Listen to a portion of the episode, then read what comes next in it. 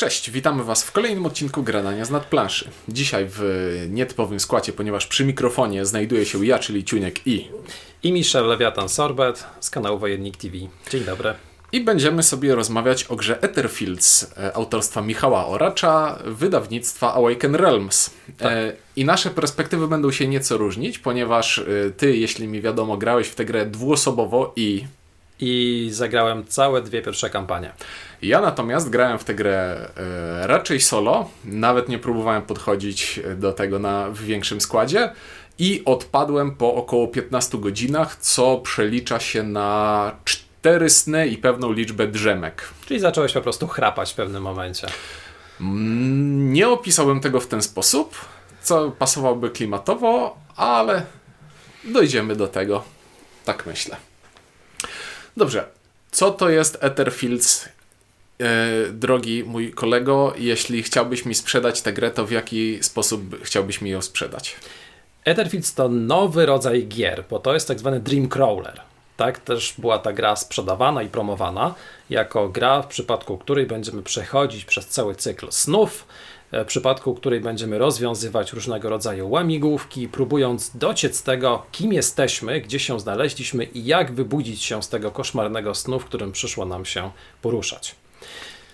Tak bym ci ją próbował sprzedać, ale widzę na twojej twarzy brak zrozumienia dla tego wyjaśnienia. A czy, bo w ten sam sposób mniej więcej chciał mi sprzedawać tę grę wydawca i yy, podchodzę do tego z pewnym takim cynizmem, rezerwą lub nazwijmy to inaczej. Yy, och, zgubiłem słowo teraz, ale yy, powiedzmy, że jak słyszę w takim ciągu reklamowym e, dużo słów, które są nowe i rewolucyjne, to włącza mi się mm, e, taki wewnętrzny sceptyk, który myśli sobie, a może to są po prostu stare rzeczy, które nazywamy nowymi słowami i mówimy, że są wow, nowe. I e, nie. Koniec końców okazuje się, że kręgosłup tej gry to jest no ten Dream, Dream Crawler sprowadza się dla mnie do przeniesienia gry typu roguelike komputerowej na planszę. Ja jestem w stanie coś takiego docenić, ponieważ jest to gra, w której prowadzimy swoją postać pomiędzy pewną liczbą, nazwijmy to spotkań, czyli chodzimy sobie od snu do snu i każdy sen to jest taka zamknięta całość, w której mamy do zrealizowania pewien cel ale pomiędzy tymi snami poruszamy się po mapie świata, którą w trakcie rozgrywki sobie odkrywamy e, i tam mamy mniejsze jakieś spotkania, tak zwane drzemki, e, mhm. które będziemy musieli rozwiązywać. Kupowanie nowych przedmiotów, rozwijanie postaci, e, zbieranie kluczy, które są nam potrzebne, żeby odkrywać, odblokowywać te nowe sny, czyli nowe poziomy. I tak jak rozłoży, już sobie chwilę w tę grę zagrałem, rozłożyłem ją sobie na stole, spojrzałem z boku i stwierdziłem, Kurczę, to jest takie przekombinowane Slay the Spire, które też składa się z mapy połączonych pomieszczeń, pomiędzy którymi chodzimy i od czasu do czasu jest tam e, jakiś przeciwnik do pokonania, czasami skrzynka do otworzenia, czasami akapit tekstu do przeczytania. To jest ten kręgosłup rozgrywki. Mhm. Komputerowy roguelike. I w wersji planszowej w ten sposób nie widziałem jeszcze takiego e, przeniesienia tego. Jestem to w stanie docenić. To jest e, to tworzy bardzo fajną pętlę rozgrywki, gdzie mamy pewien otwarty świat, przez który idziemy, dopóki wystarczy nam paliwa, a paliwem tutaj są punkty życia naszej postaci i talia kart, którą operujemy.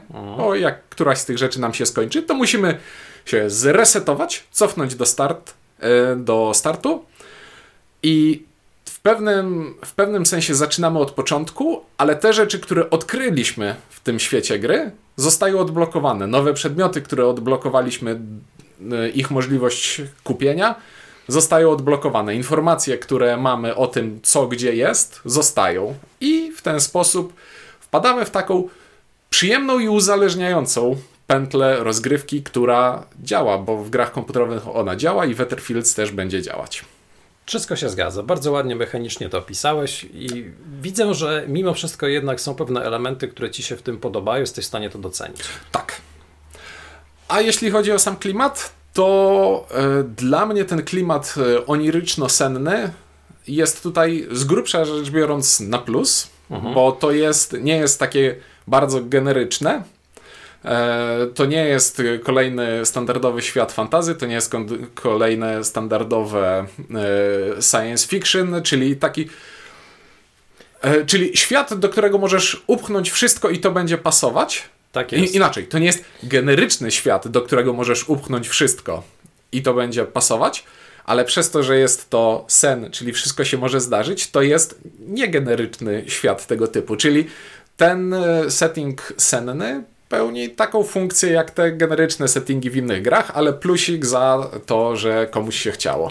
To jest moim zdaniem generalnie jedna z najmocniejszych stron Battlefield, czyli brak jakichkolwiek granic, brak jakichkolwiek obwarowań dotyczących tego, z czym możemy spotkać się w grze. Każdy sen będzie inny, będzie inaczej działał zarówno mechanicznie, jak i jest inny tematycznie, to sprawia, że za każdym razem, gdy siadamy do następnego snu, to zastanawiamy się, co tym razem odjechanego zaserwowali nam twórcy gry. Bo tak jak powiedziałeś, tematycznie tu w zasadzie nie ma żadnych granic. To nie jest fantazy, to nie jest science fiction, to jest mieszanka, która w zasadzie pozwala na zaserwowanie z punktu widzenia projektanta tego, co nam w danym momencie podpowie fantazja. I to mi się niezwykle w tej grze zawsze podobało od początku. Ale czy nie wydaje ci się, że w związku z tym e, grze, o ile gra ma kręgosłup mechaniczny, to brakuje jej kręgosłupa fabularnego, stylistycznego? To, to jest trochę inna sprawa, bo e, czym innym jest opis świata, po którym się poruszamy i to, czy jest on plastyczny i czy wciąga rozumiany jako świat w konkretnym śnie, w konkretnej drzemce, czym innym jest fabuła gry jako takiej i kampanii. Mhm. I e, tu nie wiem, na ile chcemy sobie pozwalać na spoilery w trakcie tego materiału. W trakcie, e, właśnie, w trakcie wolałbym raczej nic e, mocno nie zdradzać. Porozmawiajmy mhm. o tym, co jest w pudełku, jakie otworzymy, ewentualnie jak przejdziemy tutorial. To tu wypada w takim razie powiedzieć, że grając w poszczególne sny, na pewno będziemy czuć klimat danego snu będziemy wczuwać się w historię. One są dosyć spójne w tym sensie, że opowiadają pewną historię, jesteśmy w stanie zrozumieć, gdzie się finalnie znaleźliśmy, jakie jest nasze zadanie, i po zakończeniu tego snu jesteśmy w stanie później powiedzieć, że faktycznie poruszaliśmy się po świecie, który odpowiadał czemuś, co znamy z literatury, albo jesteśmy w stanie jakoś inaczej się odnaleźć. Natomiast fabularnie, czy na koniec kampanii jesteśmy w stanie powiedzieć, że wiemy, co się w sumie wydarzyło, po co tu byliśmy, to tu na razie postawia znak zapytania. I tutaj też z jednej strony jest to, czym ta gra była mi sprzedawana, bo była sprzedawana w pewnym sensie taką tajemnicą, że coś na końcu się wyda- mhm. wyjaśni.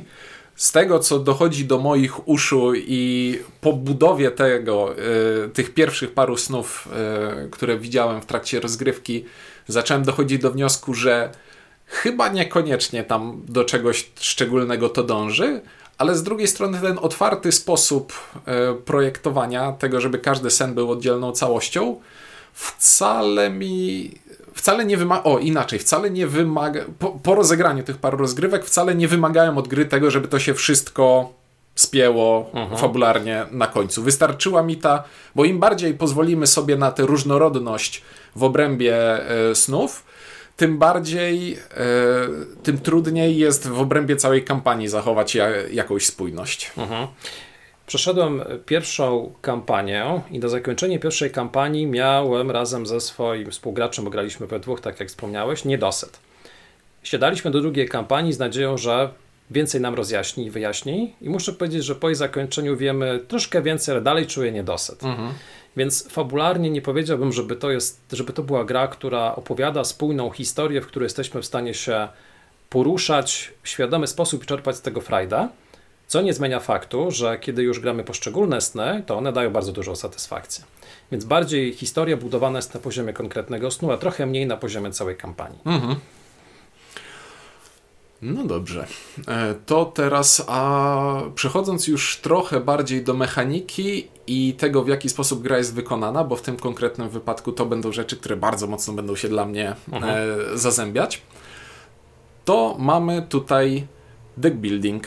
I to jest deck building polegający na tym, że wszystkie akcje w grze będziemy wykonywać za pomocą kart, które e, nasza postać ma w swojej talii. Do wyboru na początku mamy pewną liczbę postaci. W przypadku moje, mojego pudełka, które było pudełkiem podstawowym z pierwszej kampanii, kupionym z drugiej ręki, to były cztery postacie. Tak jest. E, z nich poznałem tylko jedną i nazwy sobie nie przypomnę, ale to był ten zielony łysy koleś w okularach. Nie graliśmy nim. E, więc tylko o tej postaci będę mógł e, coś powiedzieć. Więc tak, cała rozgrywka sprowadza się do tego, kiedy już jesteśmy w śnie, bo to jest tak jakby ten core rozgrywki, na którym chciałbym się skupić, e, będzie polegał na tym, że będziemy wykonywać akcje korzystając z kart. Mhm. I na każdej karcie jest jakaś akcja, którą możemy wykonać i są kolorowe ikonki, którymi będziemy mogli płacić za wykonywanie innych akcji.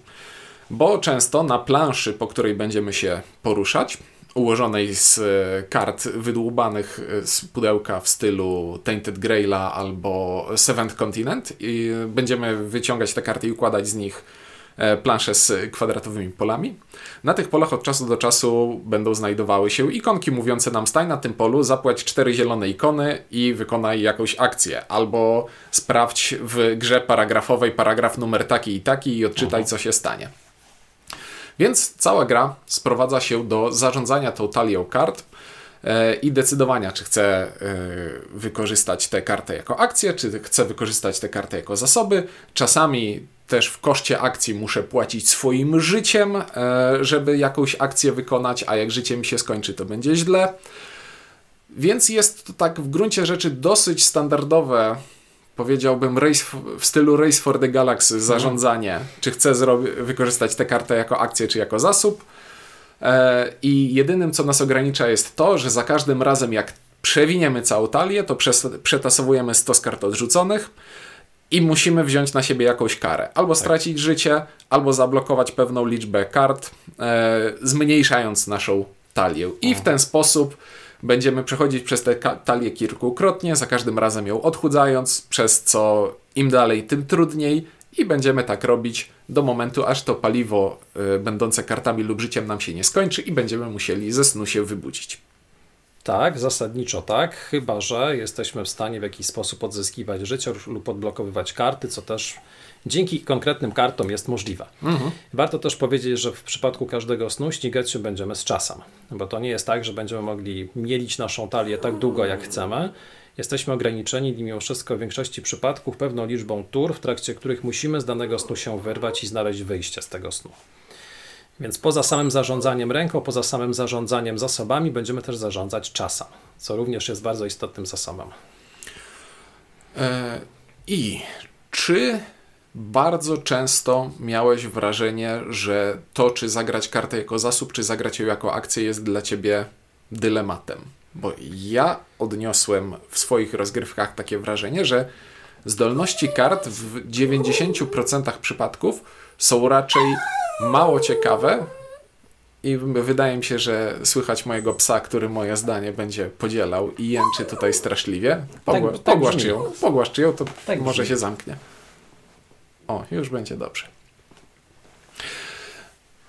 Więc tak, mimo tej całej otoczki klimatyczności i tego, że o fajnie, tę kartę mogę zagrać tak lub tak, to koniec końców yy, przy całej tej obudowie onirycznej gra robiła się dla mnie bardzo matematyczna i sprowadzała się do yy, tylko i wyłącznie zarządzania tego ikon tymi ikonkami. I żeby nie było, nie mówię, że to jest samo w sobie złe, bo na przykład jest sobie taka gra jak e, Marvel Champions, tam stojące na półce, które też jest obudowane masą klimatu, a dla mnie jest po prostu zadaniem z matematyki, jak tu policzyć sobie, żeby wbić obrażenie więcej i albo obrażenie mniej przyjąć na siebie. Eee... Ale właśnie, e, z tej rozgry w rozgrywce w Etherfields było dla mnie, była dla mnie ona zaskakująco liczarska, co wcale mnie nie dziwi, widząc, że na okładce jest napisane Michał Oracz, a Michał. Oracz lubi liczyć. E, bardziej dla mnie problematyczne było to, że jeśli już wchodzimy w ten deck building i kupujemy nowe karty, a do tego trzeba się doczłapać, bo musimy najpierw zdobyć zasób, za który możemy kupować nowe karty, a później pójść w odpowiednie miejsce, w którym tak. możemy kupować karty i później dobrać pewne karty, z których będziemy mogli sobie wybierać karty do kupienia, to w tych kartach do kupienia też głównie patrzyłem na ikonki, bo większość zdolności wydawała mi się albo bardzo sytuacyjna, albo nieciekawa, albo nie chciałbym użyć słowa niepotrzebna, tylko mm, jakiego słowa mogę szukać? Mogę szukać słowa mało przydatna w większości sytuacji. Ale widzisz, to też, to też jest tak, że im dalej ta rozbudowa talii postępowała, tym ciekawsze stawały się wybory. Przynajmniej do pewnego momentu, bo ten deck building rzeczywiście na początku sprowadzał się w zasadzie do kupowania co popadnie, po to, żeby zastępować podstawowe karty, które mimo wszystko mają pewne ograniczenia. Później natomiast to, jakie karty były kupowane, w dużej mierze był uzależnione też od tego, jaką strategię konstrukcji talii chcieliśmy przejąć. E, grając w dwie osoby, każdy z nas mimo wszystko specjalizował się w pewnym obszarze, tak żeby jeden z nas był na przykład lepszy w zarządzaniu czerwonymi zasobami, drugi miał większy zasób żółtego. Choć oczywiście balansowanie i odpowiednie zrównoważenie tego, jakie zasoby mieliśmy w talii, też było niezwykle istotne. Ale ja osobiście nie miałem takiego poczucia policzalności. Oczywiście było bardzo dużo liczenia i sprawdzania tego, co, jak może zrobić, jakimi kartami, ale nie miałem poczucia, że karty w talii używam wyłącznie do zasobów albo wyłącznie do akcji. Raczej dobieraliśmy karty tak, żeby można było korzystać i z jednego, i z drugiego. -hmm. No dobrze. E, o właśnie, ale jeśli chodzi o jakieś e, ciekawe efekty i tego typu zabawy, to powiedziałem, że 90% było nieciekawe, ale na przykład jeśli już była w tej grze jakaś iskierka takiej fajnej kreatywności, no to ta postać, którą ja grałem, miała kartę, która pozwalała otworzyć jej e, taki Pocket Universe, mhm. wyszukać sobie z pudełka kafelek, który był fragmentem planszy poza planszą, przenieść się na niego i tam coś zrobić i ewentualnie przeskoczyć do innego miejsca z powrotem na planszy głównej. Czyli I, fajna. I jeśli chodzi o wszystkie karty, z którymi spotkałem się w tej grze, to ta jest najprawdopodobniej najciekawsza i to była karta, która była od początku ze mną i do końca ze mną i chciałbym, żeby takich fajnych, kreatywnych, ciekawych rzeczy było trochę więcej. Ja mam poczucie, że było bardzo dużo ciekawych kart i były takie momenty, kiedy odkrywaliśmy jakąś kartę, która nie była z zasobu do kupienia, ale którą można było znaleźć w danym śnie, mm. że się mocno zastanawialiśmy nad tym, kto ją powinien wziąć i obaj mieliśmy na to ochotę czasami, więc te karty były dosyć nierówne, tak bym powiedział. Były karty rzeczywiście słabsze, zwłaszcza te, które na przykład dawały tylko jeden kolorowy symbol jednego rodzaju i miały mało atrakcyjną zdolność lub powiedzmy taką przeciętną, ale były też mocne karty, które dawały dużą liczbę zasobów, jednocześnie miały atrakcyjną zdolność, więc to też w dużej mierze zależało od tego, co się po prostu trafiło. Ale jeśli miałbym samą mechanikę snów i tego, jak się w nich poruszamy, co w nich robimy, czyli ta główna rzecz, gry, główny element gry w grze, uh-huh. e, wydaje mi się, że jest całkiem cwany. Pomimo wszystkiego tego, co może mi się nie podobać, to to, co z tym systemem gra robi, jest całkiem cwane, bo zarządzanie kartami prawie zawsze jest fajne. Aha. Fajne jest to, co z tym systemem, czyli planszą ułożoną z kwadratowych kart i wykorzystaniem elementów wokół niej ta gra robi, bo ta plansza w trakcie gry może się zmieniać, na przykład poprzez nakładki, dobieramy inną kartę, która tak. nam mówi, a teraz ją połóż w ten sposób tutaj między tymi kartami i coś się stanie. Podoba mi się też to, że e, pewne elementy z jednych snów możemy wyciągnąć na planszę główną, przenieść do innych snów e, i rozbudowujemy nie tylko naszą postać i nie tylko ten świat, który odkrywa. E, rozbudowujemy też świat, który odkrywamy, zmieniając pewne zasady i nawet, czasami nawet zyskanie pewnej informacji w jednym śnie da nam coś innego w drugim śnie. Ale tutaj znowu wrócę do tego, czym ta gra była mi reklamowana że będą elementy escape roomowe, łamigłówkowe. Zdecydowanie są. I w tych moich pierwszych czterech snach nie zauważyłem tego jeszcze i jeśli to miało być jeśli miałbym taki pomysł na grę, żeby miała pewien charakterystyczny element, to wydaje mi się, że dobrze byłoby go pokazać wcześniej graczowi w rozgrywce, żeby mu zaszczepić. Zobacz, tutaj będzie coś, coś fajnego szybko. Że pokażemy ci fajny pomysł teraz na początku, a później możesz się spodziewać tego więcej. I kurczę, nie doczłapałem się do tego przez te 15 godzin. Ale widzisz, cztery sny to jest naprawdę mało. Ja w tej chwili nie pamiętam, ile tych snów w sumie było w pierwszej i drugiej kampanii, ale strzelam w tej chwili orientacyjnie. Wydaje mi się, że zagraliśmy ponad 30 snów. Mm. I muszę przyznać, że do końca pierwszej kampanii, tu podkreślam pierwszej, byliśmy non-stop zaskakiwani nowymi rzeczami. I tam faktycznie pojawiały się nowe rozwiązania mechaniczne, pojawiały się ukryte elementy, pojawiały się totalnie odjechane rozwiązania lub zadania do wykonania, nie tylko logiczne, ale nawet zręcznościowe pojawiały się różnego rodzaju ciekawostki, które sprawiały, że za każdym razem, gdy siadaliśmy do kolejnego snu, to byliśmy ciekawi, co tym razem gra nam zaserwuje. W drugiej kampanii było tego zdecydowanie mniej, ale dalej było bardzo ciekawie. Faktycznie, teraz jak o tym wspomniałeś, e, to grałem ten sen, w którym pojawił się element zręcznościowy, i pogardzam nim e, wszystkimi swoimi siłami.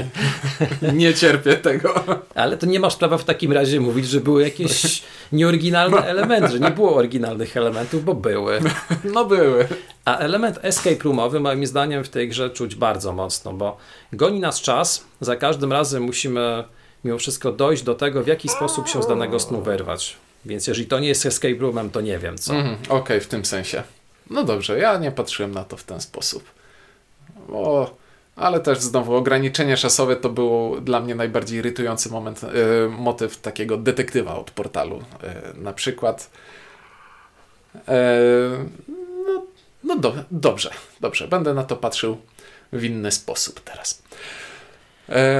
Ale tak, oprócz tego, że będziemy w tej grze chodzić po snach, będziemy też chodzić między snami po mapie świata.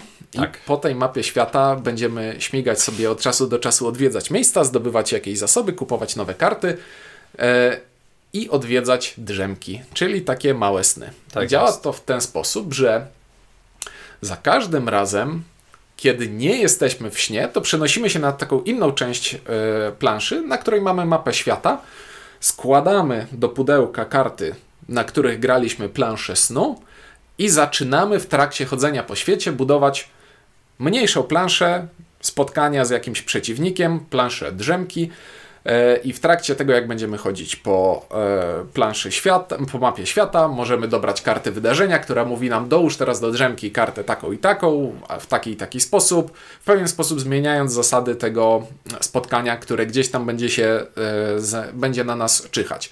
I w pewnym momencie dojdziemy do wydarzenia, które powie, które powie nam, a teraz dobierz kartę przeciwnika stali drzemki, i rozpatrz drzemkę. I przeskakujemy sobie na znowu na planszę, która kiedyś była planszą snu, a teraz jest planszą drzemki. Dobieramy kartę, która mówi nam, że jest tutaj jakiś przeciwnik albo jakieś wydarzenie i gramy taki mini sen. Mhm. Jako idea uważam, że jest to całkiem spoko, bo to jest bardzo dużo różnorodnych, yy, drobnych potworków, spotkań, na, który, i na każdy z tych spotkań jest jakiś fajny pomysł. Jak ty tak. podchodzisz do drzemek? Z drzemkami był pewien problem, bo ja grałem już w wersję, która była na skorygowanych zasadach, bo zaczęliśmy rozgrywkę kampanijną po tym, gdy pojawiły się stretch goale. A razem ze stretch goalami przywędrowały także skorygowane elementy do pierwszego wydania Etherfields gdzie także poprawiono elementy drzemek. One w pierwotnym wydaniu były niesamowicie irytujące, bo były bardzo powtarzalne. To trwało bardzo długo i jednocześnie konsumowało i czas, i nerwy graczy, którzy chcieli jak najszybciej odbębnić, wędrując do kolejnego snu. W skorygowanych zasadach to mimo wszystko już jest o wiele bardziej wygładzone, nie jest aż tak irytujące, nie konsumuje aż tak dużo czasu, ale dalej czuć mimo wszystko ten element powtarzalności. I do momentu jest to bardzo frustrujące, natomiast później pojawiają się nowe rozwiązania mechaniczne, których też teraz nie będę opisywał, bo nie chcę spoilować, ale I... one sprawiają, że drzemki stają się mniej uciążliwe. Tutaj chciałbym dodać tę gwiazdkę, o której e, wspominałem wcześniej, że o ile nie będziemy raczej spoilerować, to nad tym troszeczkę chciałbym się pochylić, bo to jest rozwiązanie, które wiemy, że będzie. To znaczy, od razu jak otwieramy e, sobie pudełko, to widzimy, że na karcie drzemki w prawym dolnym rogu jest ta informacja, że jeżeli coś tam, to idź do paragrafu takiego i takiego. Ale akurat takich rozwiązań na unikanie drzemek lub na ich skracanie jest kilka. Mhm, ty, to jest jeden z nich. To, to, jest jeden z nich, ten pierwszy, do którego doszedłem. E, ja mam tam trochę problem z tym, ale to może faktycznie pój... Bo to, to nie jest duży spoiler, ale to jest trochę spoiler. Trochę spoiler to dalej spoiler. Trochę spoiler Ale to dalej spoiler. Generalnie, generalnie chyba warto byłoby powiedzieć, że drzemki stanowiły i dalej moim zdaniem stanowią pewien problem Battlefields. Może nie aż tak gigantyczny jak pierwotnie, ale na pewno to jest element, który może być nużący. Jak to drzemka? I wydaje mi się, że to jest to, co sprawiło, że rzuciłem Etherfields po tych 15 godzinach. I znowu, nie sam fakt powtarzalności tych mhm. drzemek, tylko fakt tego, w jaki sposób muszę je obsługiwać. Ponieważ ta gra, jak otworzycie pudełko, składa się z około metra sześciennego kart poukładanych tak. E, w takich przegródkach e, jak e, katalog biblioteczny. Dobre porównanie. I bardzo często dostajemy polecenie, a teraz wyszukaj kartę numer taki i taki. No i przeglądamy w tym katalogu i wyszukujemy. Mhm. Jak ktoś grał w Seventh Continent, to to jest dokładnie to się dobrze sprawdza i już zaraz Ci oddam z powrotem głos, tylko przywołam jeszcze anegdotę, bo pamiętam, że bardzo uśmiałem się czytając wątek na forum, zdaje się, że na BGG był taki wątek, gdzie ktoś się skarżył, że Etherfix jest koszmarny w obsłudze, a koszmarny był obsłudze dlatego, że jak otworzył pudełko, to najpierw sobie posegregował wszystkie karty rodzajami. Więc nie dość, że obejrzał wszystko i pozbawił się pewnej frajdy, to jeszcze potem musiał odtwarzać grę, jak się okazało, że wszystko sobie pomieszał. E, I właśnie, ja, to jest środek mojej myśli, ale żeby ten środek miał sens, ja muszę przejść takie, przeskoczyć na chwilę do końca. To znaczy, Etherfields wydaje mi się, że bardzo by mi się podobało jako gra komputerowa. Bo i, jeśli ta obsługa była robio byłaby robiona przez komputer inaczej. Im mniej obsługi, im mniej bookkeepingu mam w grze, tym bardziej jestem w stanie wybaczyć grze powtarzalność. Dlatego bawią mnie komputerowe roguelike'i, w których nie przeszkadza mi to, że idę przez poziom, godzinę, cofam się do początku i idę przez bardzo podobną rzecz od początku, bo tam drobne rzeczy po drodze się zmieniają i znowu tu przykładem, do którego wrócę będzie Slay the Spire, nie przeszkadza mi, że w Slay the Spire tam po iluś tych godzinach, które już zagrałem w tę grę, ja widzę, że a okej, okay, to jest to wydarzenie, które już widziałem 50 razy, bo ono teraz dla mnie sprowadza się dla, dla, do dwóch kliknięć, bo ja już nawet nie czytam tego akapitu tekstu, mm. który tam jest, bo pamiętam go na pamięć, a interesuje mnie tylko efekt, więc przelatuję przez to bardzo szybko. Czyli im dalej przechodzę, im dalej wchodzę w grę, im e, bardziej ona, im bardziej zauważam, że powtarzalna się robi, tym obsługa jej jest dla mnie szybsza. W mhm. przypadku gry komputerowej.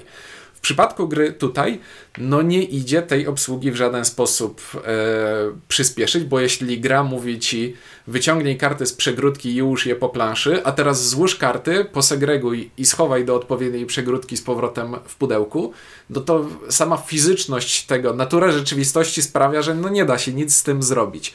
I to jest moje y, największe źródło irytacji w tej grze. To faktycznie bywa angażujące, ale z drugiej strony nie można być aż tak leniwym. To nie jest aż tak bardzo angażujące, bo też umówmy się, w Etherfields nie będziemy grać 8-10 godzin. Raczej siądziemy w ramach jednej sesji, zagramy dwa sny, cztery drzemki, mniej więcej tyle. To nie jest aż tak duże, to nie jest aż tak duże wyzwanie, aby w tym czasie rozłożyć te sny i drzemki. Aczkolwiek zgadzam się, że mimo wszystko sięganie po karty, szukanie kart jest momentami irytujące, bo Etherfix jest grą, która niestety moim zdaniem cierpi na syndrom start-stop. I to w kilku obszarach.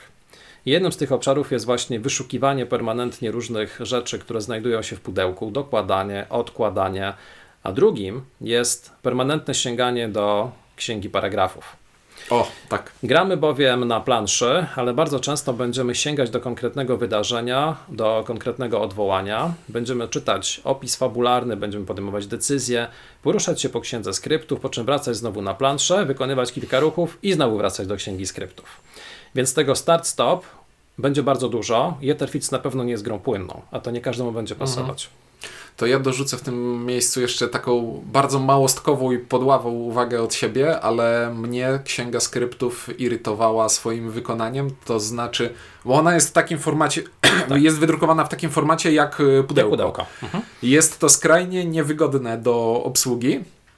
Dużo bardziej wolę sposób, w jaki było to wydrukowane w Tainted Grailu, gdzie tak książka była połowę mniejsza, przez co samo obsługiwanie i przewracanie stron i szukanie akapitów było prostsze. A już w ogóle w idealnym świecie e, to wydaje mi się, że najlepiej by było, gdyby było to w formie może nie tyle zeszytowej, co Pamiętasz gry paragrafowe Wehikuł Czasu? Mhm. One nie bez powodu były takiego małego formatu, tak. bo mogłeś sobie obsługiwać, przeglądać, robić zakładkę palcem, żeby, jeśli wiesz, że zaraz będziesz musiał pójść dalej albo się mhm. cofnąć. Było to po prostu ogarnialne dłońmi, a jeśli dostajesz taką wielką płachtę papieru, no to jest to miejscami irytujące. To prawda, ta płachta nie wiem, czy najlepiej się sprawdza. Mnie jakoś to osobiście bardzo nie przeszkadzało, bo miałem przyjemność bycia narratorem przez w zasadzie całe dwie kampanie. Ja bardzo lubię gry paragrafowe i generalnie lubię tego typu hybrydy planszowo-paragrafowe, więc mogę na to patrzeć subiektywnie i, i mogło mi to nie przeszkadzać, bo lubię po prostu takie połączenie. Natomiast obsługowo to na pewno nie było naj, najzdrowsze rozwiązanie, choć też broniąc e, samej księgi skryptów, trzeba powiedzieć, że została bardzo dobrze napisana, bo tam nie ma błędów literowych. Mhm. Opisy fabularne są sympatyczne, wciągające. Mimo wszystko trzeba oddać to, że wykonano kawał dobrej roboty, tworząc te opisy, dbając o to, żeby nie było tam błędów logicznych, nie było potworków językowych Wizualnie to wygląda naprawdę poprawnie. Obsługowo trochę mniej, ale to dalej nie jest poziom odpychający i sprawiający, że byłoby bardzo ciężko w to grać. Choć wydaje mi się, że naj, największą bolączką jest to, o czym powiedziałem przed chwilą, czyli mimo wszystko to, że będziemy grać, stopować grę, coś robić, znowu zaczynać rozgrywkę i znowu ją stopować. Osoby lubiące płynną rozgrywkę mogą z tym mieć duży problem. E, całkiem ciekawą cechą też związaną z, z tą płynnością rozgrywki jest to, że w ramach Etherfields struktura gry wygląda w ten sposób, że nie ma tutaj czegoś takiego jak partia. To nie, to nie jest gra, do której siadasz zagrać partię, która ma początek, środek i koniec, Aha. tylko znowu tak jak Tainted Grail, to jest gra, w której ona ma początek i do póki nie wykonasz tego wszystkiego, co e, nie dojdziesz do tego nomen omen zakończenia, które jest tam gdzieś daleko na końcu kampanii, to de facto to jest wszystko jeden długi ciąg, bo, który możesz przerwać w dowolnym momencie i wrócić do niego w dowolnym momencie. Początek, koniec snu to też jest też nie jest coś, znaczy to jest, ma, sen ma ściśle początek i koniec, ale na przykład w dowolnym momencie ze snu możesz wyskoczyć, żeby coś porobić na planszy świata i znowu sen rozpocząć. E, zmierzam w tym ciągu swoim myślowym do tego, że to jest gra typu wszystko albo nic to nie jest gra, którą jesteś w stanie komuś pokazać. Choć pokażę ci partię Etherfields i, i, zobaczymy, czy ci się spodoba. Nie, bo nie. sam fakt tego, jak te sny są zbudowane i jak są od siebie różne, sprawia, że no zagrałem, zagrałem jeden sen. To nie mówi mi, to mówi mi o tym, jaka w grze jest mechanika podstawowa, czyli tego zarządzania talią. Mhm. Ale może się okazać, że do końca rozgrywki, i może by się tak okazało, gdybym wytrzymał, że nie zagrałbym drugiego snu, który opierałby się na tym pomyśle, który był tutaj. Ten sen mi się nie podobał. Ale zagrałem następny, opierał się na innym pomyśle i to mi się podobało. No i to jest największy problem tej gry, że to jest gra, która jest niepolecalna i nieocenialna w ten sposób. I tak, i nie, bo zawsze można na wszystko patrzeć z różnej perspektywy. Odnośnie do tych snów, które mogły się podobać, mogły się nie spodobać, to, to trafiasz w punkt, bo kilka tygodni temu nawet pokusiłem się na swoim kanale o materiał, w którym opowiedziałem o swoich 10 snach, które najbardziej mi się podobały w Etherfields. Je faktycznie można porównywać, e, oceniać je pod kątem tego, czy były pomysłowe, czy mechanicznie trzymały się kupy. Natomiast wydaje mi się, że w przypadku Etherfields warto też powiedzieć, że o ile na początku rozmawialiśmy o klimacie i o tym, czy gra w ogóle opowiada jakąś historię, to wtedy mogło z mojej, z Twojej wypowiedzi raczej wybrzmiewać to, że niekoniecznie pozytywnie oceniamy ten element, ale z drugiej strony trzeba też powiedzieć, że ten brak konieczności zapamiętywania, co już osiągnęliśmy, pilnowania się, co już zrobiliśmy, a czego nie zrobiliśmy i co jeszcze musimy zrobić, żeby zakończyć grę, sprawia, że możemy Etherfields na moment odłożyć, i wrócić do niego po jakimś czasie bez jakiegokolwiek uszczepku na satysfakcji z rozgrywania partii. Mhm. Bo nie musimy absolutnie nic sobie przypominać poza tym, gdzie w danym momencie byliśmy, czyli jakie mamy sny do wyboru, jak wyglądała struktura naszych kart, czyli co mieliśmy w talii, co mieliśmy odrzucone w momencie, gdy przerywaliśmy rozgrywkę i w zasadzie po szybkim refreshu można grać. To moim zdaniem jest akurat mocną stroną Etherfields, bo wbrew pozorom, przy tej monumentalnej liczbie elementów, grę bardzo prosto się zapisuje i można ją schować i do niej wrócić za jakiś czas. Tak. E, I jedyne, czego tak naprawdę by mi w tym pudełku brakowało, to takiego trybu gry. Nawet nie mówię o tym, w tej grze można by nic nie zmieniać, ale z, z mojej perspektywy, albo z perspektywy kogoś, kto nie chce inwestować bardzo dużo e, czasu w te meta... Jeśli sny w tej grze nazwiemy grą, to całe, wszystko to, co jest obudowane wokół niej, to jest metagra. Mhm. I wydaje mi się, że Etherfields miałby prawo działać jako gra, gra, po prostu. Zarządzanie talią w ramach jednego scenariusza i po prostu, a dzisiaj chciałbym sobie zagrać taki sen, taki sen, taki sen. Tak. Mhm. A może, można by wtedy nie skupiać się na tej metagrze, chodzeniu po świecie i tak dalej. I to też by działało. E, więc to jest taki drobny, bo mnie na przykład nawet mnie interesuje, co tam jest w, dalej w tych kolejnych snach, ale nie bardzo, nie miałem już motywacji do tego, żeby brnąć dalej w metagrze i, i odkrywać, więc ja chciałbym dostać, wiesz, coś w stylu takiego arkusza Excela, który mi mówi to są scenariusze do wyboru, wiesz, e, z ramką, z poziomem trudności na przykład tych scenariuszy, może jakimś opisem mechanicznym, żebym, wiesz, żebym z, tych, z tego całego pudełka mógł sobie wybrać ok, to interesuje mnie to, to i to i to chciałbym spróbować. Ale to jest tylko myślenie życzeniowe i taka luźna uwaga nie mająca wpływu na ocenę. To jest takie bardzo płytkie podejście, bym powiedział. Takie, takie bardzo, bardzo spaczone Twoim dotychczasowym wieloletnim doświadczeniem w ogrywaniu całej masy różnych tytułów. Chciałbyś mieć zaserwowane wszystko na patelnię. Tak nie ma to trzeba mimo wszystko się przebić przez konkretne sny, przez konkretne scenariusze i odkrywać, co w nich tkwi. Na tym chyba polega cała frajda. Właśnie, i do tego się sprowadza e, moja ocena tej gry, która mniej więcej dałoby się spara sparafrazować w słowach doceniam to jako koncept, ale nie wiem, czy mam czas na to. To znaczy, ten stosunek tego. Wiem, że z, te, z tego, co przeszedłem już w tej grze, wiem, że mhm. część snów jest dla mnie. Na, na podstawie tych czterech, które poznałem. Jeden do śmietnika, jeden taki ok, drugi taki ok i jeden mi się podobał, bo akurat trafił w to, co mi się podoba. Mhm. I wiem, że mógłbym w tę grę, grę brnąć dalej i walczyć z obsługą, e, która pewną część tego czasu, który poświęcałbym na granie, muszę wykorzystać na obsługę, a mnie to irytuje, bo ja lubię e, czas spędzać efektywnie, więc lubię spędzać czas na graniu, a nie układaniu, które grą nie jest.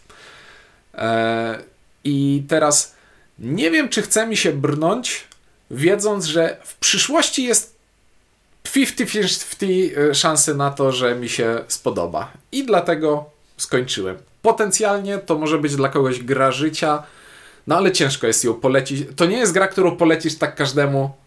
Spróbuj, bo jest tanio i wchodzi się łatwo. Nie jest ani tanio, ani nie wchodzi się łatwo. Ja bym powiedział, że to jest e, granie wdzięczne dla, dla, dla recenzenta, mhm. drogi panie. Bo w praktyce, wiedząc jak wygląda tempo przemiału i ogrywania gier w naszym świadku, to poświęcenie dwóch miesięcy na rozegranie 30 paru partii Etherfields, to w moim przypadku było spore wyzwanie. Mhm. Ale muszę przyznać, że tak świetnie się przy tym bawiliśmy, że nawet nie za bardzo było mi szkoda tego, że poświęcałem ten czas, bo uważałem to za, dobrze, za dobrą inwestycję. I e, powiem więcej, nie pamiętam gry, w którą grałem tak intensywnie dla przyjemności w trakcie ostatnich miesięcy jak Etherfields. Mhm.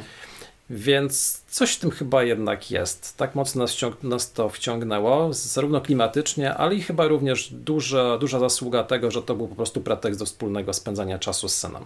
Mhm. Bo świetnie się przy tym wspólnie bawiliśmy. Widziałem, że go też mocno to pochłonęło, więc tym bardziej z dużą przyjemnością do tego siadaliśmy. Natomiast patrząc na to z perspektywy, czy w tym czasie mogłem zagrać w 10, 15, 20 innych gier, zrecenzować się i się przy nich dobrze bawić, odpowiedzisz mi pewnie tak. E, ale nie wiem, czy nie wolałbym jednak zagrać w Etherfields i przeżywać przygody, które przeżyliśmy. Mhm. Czyli ogólnie rzecz biorąc, ser sercujesz i lubisz i polecasz. Tak, ja jestem świadomy tego, że ta gra ma spore wady i nawet kiedy przygotowywałem recenzję na swój kanał, to byłem zaskoczony, jak dużo tych rzeczy, które mi się nie podobały, tam wypisałem. Mm. I o nich opowiedziałem, ale to nie zmienia faktu, że nie żałuję zainwestowanego czasu. Dobrze się przy tej grze bawiłem, uważam, że jest przepięknie wydana, że jest klimatyczna, jest, jest momentami pomysłowa i przede wszystkim jest mocno zaskakująca. To mi się bardzo podoba w grach. Poza tym ta hybryda paragrafówki z grą planszową też zawsze jest czymś, na co patrzę z dużym uśmiechem i Etherfits mnie w tym obszarze nie zawiodło. W kilku innych zawiodło, ale mimo wszystko tych pozytywnych doznań było, było zdecydowanie więcej. A, e, a czy między partiami, czy, czy bo u mnie, ja na przykład grałem, wydaje mi się, w tę grę w idealnych warunkach, bo ja jak ją rozłożyłem pierwszego dnia, jak ją dostałem, rozpakowałem, rozłożyłem ją na stole i miałem możliwość, żeby Aha. ona stała zamknięta w pokoju, cały czas rozłożona na stole. Więc jak ją ogrywałem przez jakiś czas, powiedzmy godzinkę dziennie, to ona ani razu nie trafiła z powrotem do pudełka, co mi oszczędziło bardzo dużo czasu. Jak to u Was wyglądało? Była sprzątana. Była nie, sprzątana. Nie trzymaliśmy gry e, cały czas rozłożonej, natomiast opanowaliśmy metodę polegającą na robieniu zdjęć i na odkładaniu po prostu w odpowiedniej kolejności kart do pudła. Nie zajmowało to dużo czasu, ale faktycznie było, było mimo wszystko mhm. uciążliwe mhm. momentami, zwłaszcza jeżeli kończyliśmy późno grać około pierwszej nad ranem albo pół, po północy i trzeba było jeszcze złożyć grę. To są te momenty, kiedy faktycznie już chciałoby się kliknąć na wyłącz i, i pójść spać ale mimo wszystko to nie było aż tak uciążliwe, jak można byłoby wnioskować po liczbie elementów, które są w pudle. Mm.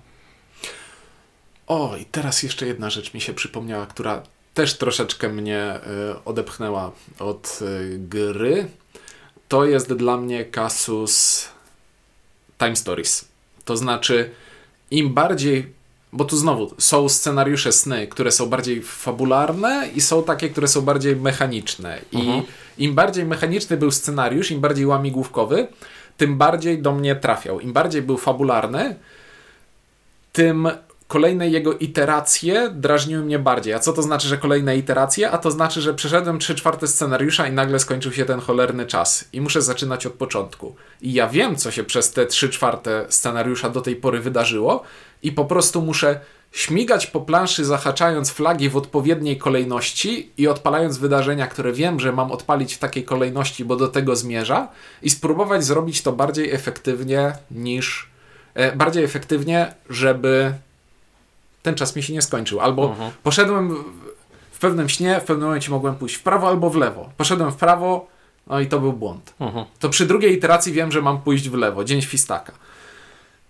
No i mnie to nie bawi, ale znowu to nie jest e, do samego rdzenia rozgrywki zarzut, tylko do tego konkretnego snu, który mhm. grałem. I, I jaki jest z tego morał? Morał jest z tego taki, że znowu zależy od, zależy od snów. W bardziej fabularnych, w bardziej mechanicznych snach to nie będzie problem, bo łamigłówka to łamigłówka, a w bardziej fabularnych to będzie problem. I znowu jestem w takiej sytuacji, że no to mi się, nie, to, to mi się nie podobało, ale no takie życie chyba po prostu. To tutaj dotykamy trochę innego tematu, bo to, o czym mówisz, byłoby bardzo dużym problemem w sytuacji, w której gra byłaby bardzo trudna. Czyli gdybyśmy musieli powtarzać na przykład 3 czwarte snów, to mhm. wtedy rzeczywiście to z punktu widzenia gry byłoby bardzo uciążliwe, bo dochodząc do gdzieś tam końcówki snu i przegrywając, musimy zaczynać go od nowa, optymalizować ruchy, wiedząc jak przechodzić konkretne fragmenty tego snu, co jest po prostu nudne i powtarzalne. Przerwę ci. Czy zdarzyło wam się zginąć w trakcie snu, spojrzeć na zegarek i stwierdzić, to nie, nie, nie zginęliśmy. Nie widzieliśmy. Tych pięciu ostatnich minut nie było. Gramy od tego momentu tylko pięć minut wcześniej. To odpowiem e, kończąc wcześniejszą myśl, bo nie zdarzyło nam się zginąć w ogóle. O. E, nie zginęliśmy ani razu, natomiast powtarzaliśmy, zdaje się, dwa sny. Jeden, trzy albo nawet czterokrotnie.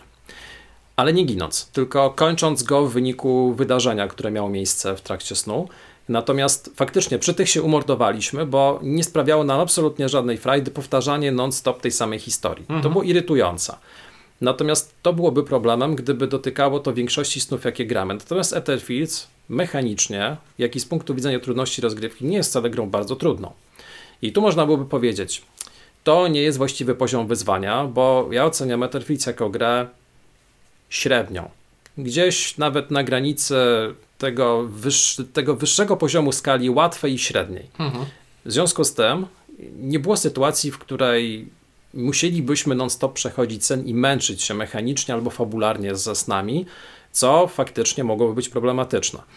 E, I teraz oceniając grę pod kątem tego, czy została dobrze zaprojektowana, serwując właściwy poziom trudności, powiedziałbym, niekoniecznie jest momentami zbyt łatwa, ale też oceniam to przez pryzmat kogoś, kto w gry gra dużo. Z drugiej strony doceniam, doceniam ten poziom trudności, bo nie zmusza mnie do non-stop odświeżania tego samego scenariusza i grania go po raz piąty, szósty, bo gdyby tak było, to pewnie Terfield zrzucił po kilku snach. Hmm. Więc wszystko ma, ma swoje wady i zalety. W tym przypadku wydaje mi się, że zostało to mimo wszystko dosyć dobrze wypośrodkowane. Ale to chyba kwestia subiektywna. Tak, bo tak samo już przechodząc do zakończenia podsumowania, wydaje mi się, że gdybym miał mniejszy próg bólu w odniesieniu do tego, ile w tej grze jest obsługiwania rzeczy i rozkładania rzeczy i e, po prostu walczenia z materią, to ja bym w tę grę bardzo chętnie grał z samej ciekawości tego, co jest dalej i w, w ramach tego bardzo fajne mechaniczno-rozgrywkowe e, zagranie było takie, że po którymś śnie otrzymałem kartę kończącą grę. To znaczy, wiedzie, gra mi postawiła przed oczami kartę, która mówi: To jest twój cel, do niego dążysz i to będzie wyjście. Tylko musisz zrobić to, to i to. A jak to zrobić? No tutaj to, to już wiesz jak zrobić, bo to odkryłeś, a kolejne rzeczy, kolejne warunki do spełnienia musisz odkryć sam. Więc to nie, dzięki temu jednemu prostemu rozwiązaniu, że dostaliśmy na względnie początkowo w kampanii kartę, która nam mówi, a to jest cel całej kampanii, dąż do niego, mogłem w sobie zbudować jakąś motywację, żeby iść dalej bez wrażenia bezcelowości i kręcenia się i lizania ścian mhm. i chodzenia y, w losowych kierunkach. To mi się spodobało. I tak jak mówiłem dużo wcześniej, gdyby to była gra komputerowa, pewnie bym w nią grał, bo, bo po prostu rzeczy działyby się szybciej. Nie wiem na ile byłoby y, żywotności w niej. Pewnie sporo, jeśli więcej pomysłów. W każdym śnie byłyby kolejne jakieś nowe pomysły. I są. I są. Tak. I, I zewsząd to słyszę, ale. Drogi słuchaczu, jeśli masz uczulenie na to, że jedna trzecia rozgrywki to będzie praca katalogowa i przeglądanie rzeczy i składanie kart, to pewnie jak dobra by ta gra nie była, to się od niej odbijesz tak jak ja. Może tak być. I tu nie będę cię przekonywał, ani nikogo słuchającego na siłę, że tak nie będzie. Bo obsługowo Etherfits nie jest wdzięcznym produktem. Mm -hmm. No dobrze, i wydaje mi się, że możemy na tym kończyć, bo tu nie ma sensu wnikania w jakieś takie y, wielkie szczegóły mechaniczne, maski, y, przedmioty i tak dalej, bo to już jest za duża szczegółowość. Ale korzystając z tego, że kończymy i można teraz jakieś spoilerowe y, zakończenie wrzucić, to. A to. To przejdźmy do oceny przed tym ode mnie ocena to będzie no niestety zero, bo y, odbiłem się od tej gry, mimo że widzę w niej potencjał, ale jeśli wyjdzie wersja komputerowa, to poproszę, bo, bo ja się lubię bawić matematycznym deckbuildingiem i zarządzaniem zasobami. E, ja daję zdecydowanie jedynkę. Jedynkę dlatego, że jak wcześniej wyjaśniłem, przy grze dobrze się bawiłem, jestem świadomy jej pewnych ułomności i ograniczeń, ale oceniając 2,5 miesiąca czasu, jakie spędziłem nad tą grą ze swoim synem, uważam, że to był świetnie spędzony czas i jedno z najfajniejszych gier, w jakie wspólnie graliśmy. A teraz w kąciku mini spoilerowym, e, kto nie chce słuchać, może już się rozłączyć. Ja chciałbym e, poruszyć jedną taką drobną rzecz, która mnie minimalnie zirytowała, bo znowu jako koncept mi się podoba, a wykonanie troszeczkę mnie zezłościło. E, znaczy sam, sam, koncept zarządzania talią drzemek, czyli tego, że ją przewijamy, możemy do niej dodawać karty, usuwać karty, to wszystko jest mhm. super. Podoba mi się koncept tego, że od pewnego momentu odblokowujemy sobie możliwość i tutaj nie pamiętam niestety teraz nazwy, tego, że możemy z, tą, z tym potworem we śnie możemy y, wejść w jakąś interakcję. Czyli to są od, karty Deliverance. Czyli odczytać sobie y, ten akapit z jego z rogu karty w książeczce i z każdym potworem we śnie możemy wejść w interakcję na jeden z czterech sposobów. Z częścią. Z częścią. Tak. Mhm. Ale co, co do zasady, mamy te cztery karty, które nam mówią, że potwora mogę walnąć lekko, walnąć mocno, pogadać i jakiś czwarty efekt, którego teraz nie pamiętam. Zirytowało mnie to bardziej niż e, się spodziewałem, bo intuicyjnie te e, opcje do wyboru wydają się być bardziej pożądane do rozpatrzenia lub mniej pożądane do rozpatrzenia. E, chodzi mi o to, że jedna z nich jest ewidentnie droższa tak. niż inne. Mhm. Ale to nie znaczy, że ona jest najlepsza w tym wypadku, bo różne karty z różnymi potworami będą dawały różne efekty. Mhm. Zabrakowało mi przesłanek, które by mogły mi sugerować, którą kartę dobrać do którego przeciwnika, co sprowadzało się do tego, że na przeciwniku, jak miałem okazję użyć karty, to jej używałem, bo była okazja, więc używałem jakiejś takiej losowej i coś się działo. Nie dawało mi to satysfakcji. Miałem takie wrażenie, że z kilku drogich opcji wybieram sobie jedną, którą akurat udało mi się, albo jedną z dwóch, które akurat udało mi się opłacić, no i jakaś rzecz się stała. I następna szansa, żeby powtórzyć to spotkanie, jeśli nie zakończyło się w jakiś ciekawy sposób, następna szansa, żeby powtórzyć to spotkanie, to wydarzenie, to było po kolejnej, jeśli ta talia drzemek się przewinie, po kolejnej iteracji znowu spotykam tego potwora, czasami parę godzin później, mhm. znowu dochodzę do tego momentu. Ja nie pamiętam, którą opcję wybrałem parę godzin temu. A to trzeba było robić notatki. Po prostu. No, wiem, wiem, ale ze złościło mnie to bardziej niż bym się spodziewał. My pierwotnie planowaliśmy robić notatki właśnie pod ten aspekt, natomiast Kuba e, wykazał się tak świetną pamięcią, że on nie miał problemu z pamiętaniem, co dwa tygodnie wcześniej z kimś tam używaliśmy, więc nawet nie mieliśmy takiej potrzeby. Tych kart chyba było pięć, a nie cztery. Natomiast e, tu faktycznie momentami to było mocno nieintuicyjne. Ale momentami też dawało frajdę, kiedy okazywało się, że jednak ta karta faktycznie na tego kogoś działa. Hmm. Skoro już tak spoilujemy leciutko, to też co do samej talii drzemek warto powiedzieć, że na pewnym etapie, jak już zagramy tych snów dużo, to niestety, ale będziemy pewnie pamiętać, co akurat na wierzchu talii drzemek jest. Hmm. Bo odwroty kart, rewersy kart mają literę i liczbę i w pewnym momencie już po prostu pamiętamy, co to może być.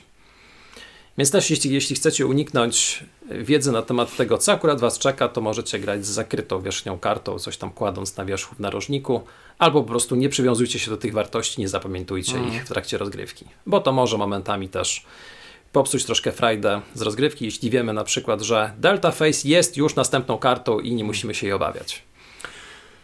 E, a Delta Face nie ma zielonego odwrotu w ogóle? Ale później już nie ma. A, później już nie Staje ma. się klasyczną czerwoną kartą, bo Delta Face jest podmieniane w pewnym mm. momencie. No dobrze. A czy przy spoilerowej okazji masz jeszcze ochotę y, coś opluć albo pochwalić takiego y, dalej z kampanii? Myślę, że nie będziemy chyba w tej chwili już dywagować i opowiadać aż tak mocno. To raczej jest temat na zupełnie inny film. Poza mhm. tym wydaje mi się, że Część osób mogła nie zdać sobie sprawy, że to już jest część spoilerowa. O, dobrze. I byłoby nieprzyjemnie wygadać się z czegoś. Ale generalnie tych elementów spoilerowych jest sporo, większo, sporo większość z nich mimo wszystko to są te przyjemne niespodzianki dotyczące nowych komponentów, nowych mechanizmów i to się dobrze sprawdza. W większości przypadków, bo są Aha. i mhm. takie, które po prostu irytują. No dobrze, to kończymy w takim razie tę naszą przydługą rozmowę. E, bardzo dziękujemy za to, że wysłuchaliście ten odcinek. Mówili dla Was Misza Lewiatan Sorbet i Ciuniek. Dzięki i do usłyszenia w kolejnym odcinku.